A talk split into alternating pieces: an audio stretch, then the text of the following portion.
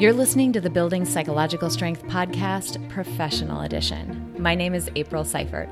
Not only am I a doctoral level psychologist, but I've been a successful entrepreneur for a number of years and have learned firsthand that building psychological strength can have a direct impact on your professional success.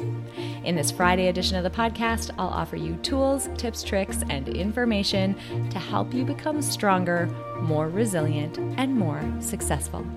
Let's get to it. Orison Swett Marden said, A good system shortens the road to the goal. And also, as Rihanna famously said, cheers to the freaking weekend. I'm so glad you're here, friends. We're almost there. Happy Friday.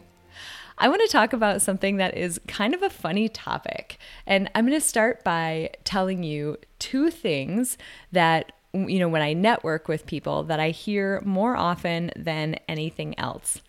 The first thing I hear is, You've got so much going on. I look at your LinkedIn page or your website or the podcast and all this stuff, and it seems like you have so much going on. How do you get so much done? So that's the first thing. And then the second thing is, and this one's maybe after people have gotten to know me a little while and have worked with me to some extent, they'll say, why in the heck are you so rigid about the systems that you use? Now let that sink in for a second. How is it that you can get so much done? And why is it that you're so rigid about the systems that you use? People don't realize that these two things are intrinsically related. They are two sides of the exact same coin. The reason why I can get so much done in a day and get a lot done and stay, think, more sane than you would expect given everything that's going on, more at peace, calmer, more steady, not perfectly steady, but more steady. The reason why I can is because I impose systems on almost everything that I do that happens regularly or in the same way or on a repeated fashion. People don't realize that the more that you use systems, so structure, in the form of these systems, is what creates flexibility and efficiency for me. Because not only is it that I get a lot done, like that's that's totally the case, but it allows me the ability to be flexible, to fit a workout in at random times and, you know, go to a happy hour or meet a friend for lunch or, you know, do something fun with my kids just seemingly out of nowhere. But it's because I impose systems in the most important parts of my life. Let me give an analogy that you've probably heard uh, used in a lot of business contexts. So you imagine a big think um, container, like a big vase, right? And you've got a bunch of rocks, and you're going to try to figure out how to fit them in. If you put the small rocks in first, you'll find that starting with the small things, right, they take up space and like you you don't end up having enough room for the larger rocks as you get to them. But if you start with that container and you first fill the container with the biggest rocks, then you pour in the medium sized rocks and they sort of trickle down into the crevices between the big rocks. And then you pour the pebbles in and kind of shake the container and they settle in in the cracks. And then you pour in sand and it settles in and you can fit so much more in that container. That is what I think about every time I am developing a new system for something that I do repetitively, often, in the same way or that needs to happen on a regular basis. So that structure allows me to put the big rocks in first. The most important tasks get done in that container. They get put in there because there's a system around how they operate.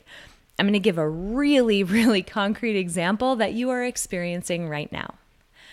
People, other podcasters ask me all the time, how in the heck are you releasing three episodes a week? This makes no sense. Like, this is exhausting. I have no idea how you're doing it, along with running businesses, having a family, and taking care of yourself. Like, I don't know how this is humanly possible.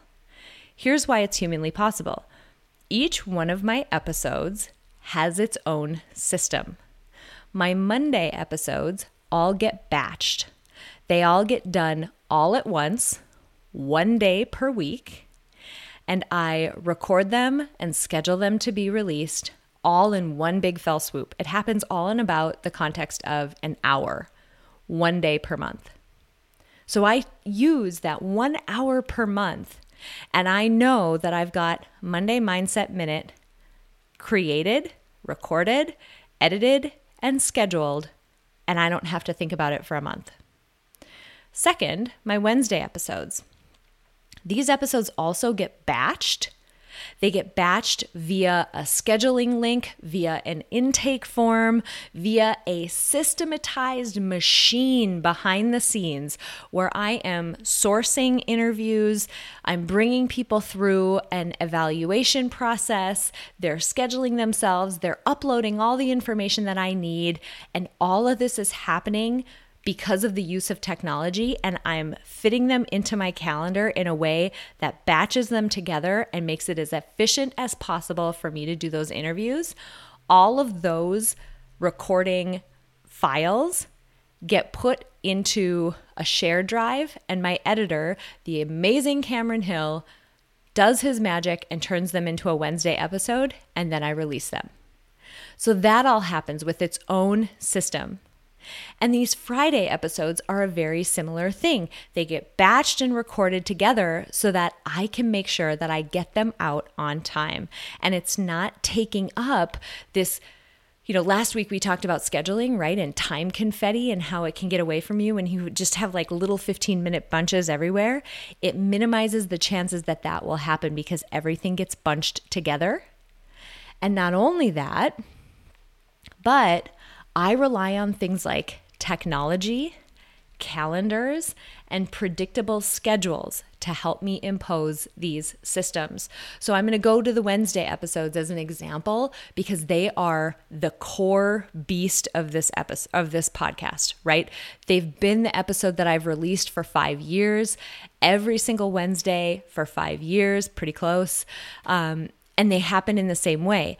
It happens because I've set up technology behind the scenes to allow me to send calendar links out, to allow me to, and that calendar link includes an intake form where people fill out all the information that I need. They upload their headshot. I have everything they need from their agent, um, all of their marketing materials, links to their book or whatever it is that they're excited to talk about so I can familiarize myself with it all of that happens without me doing anything. All I have to do, if a person's, for example, if a person's agent reaches out to me, or if I reach out to somebody who has a really cool book that I want to be able to talk about on the podcast, I send them one link. I say, hey, if you want to be on the podcast, that'd be amazing. Just find a calendar or find a time on your calendar that fits using this link and just fill out the form that will automatically pop up. That person gets reminders. It sets this cascade of emails and just, uh, I mean, technology in place just because they've been sent this one calendar link. So, that one sort of behemoth example is an example of a very structured process that allows me to get one of my big rocks, this podcast, done every single week, three times a week. This podcast is one of the most meaningful, important things to me that I do. Even though I make next to no money from it, it's not something that I charge for. I, I mean, really, it's a labor of love that is essentially a hobby. I love it. And it's important to me that it gets done. It's a big rock for me. And because of that, I systematize it and creating that systemization that allows me to make sure that it gets done every single week. And then outside of that and a few other big rocks that need to happen each week, I get to have ultimate flexibility and ultimate peace of mind because I know that those systems and that structure has taken care of the most important things for me. So I want you to think about your own situation. What are things that you do often? in the same way at the same time. They have to happen every week, um, or they're extremely important. Anything that meets those criteria is repetitive, is important, happens in the same way, all of that. Please consider creating a system. And essentially, what you're doing is creating a habit around those big rocks because what you'll find is it removes all the cognitive load from your mind for having to think about and remember and try to figure out how you're going to get it all done. The system takes care of it, removes all of that cognitive load. It makes sure you get the big rocks done every week, and it allows you ultimate flexibility outside of those big rocks and peace of mind because you know you've gotten the most important things done because of your systems. So I promise you, if you build structure into your week, if you use systems to do that, it will allow for flexibility and peace of mind because you know you got your most important things done. I really hope this was helpful. Thank you so much for joining me for this professional edition of the Building Psych Strength podcast. If you're an entrepreneur or a business professional and you're interested in becoming more successful, hit the subscribe button. And until next week, be strong, be resilient, and be successful.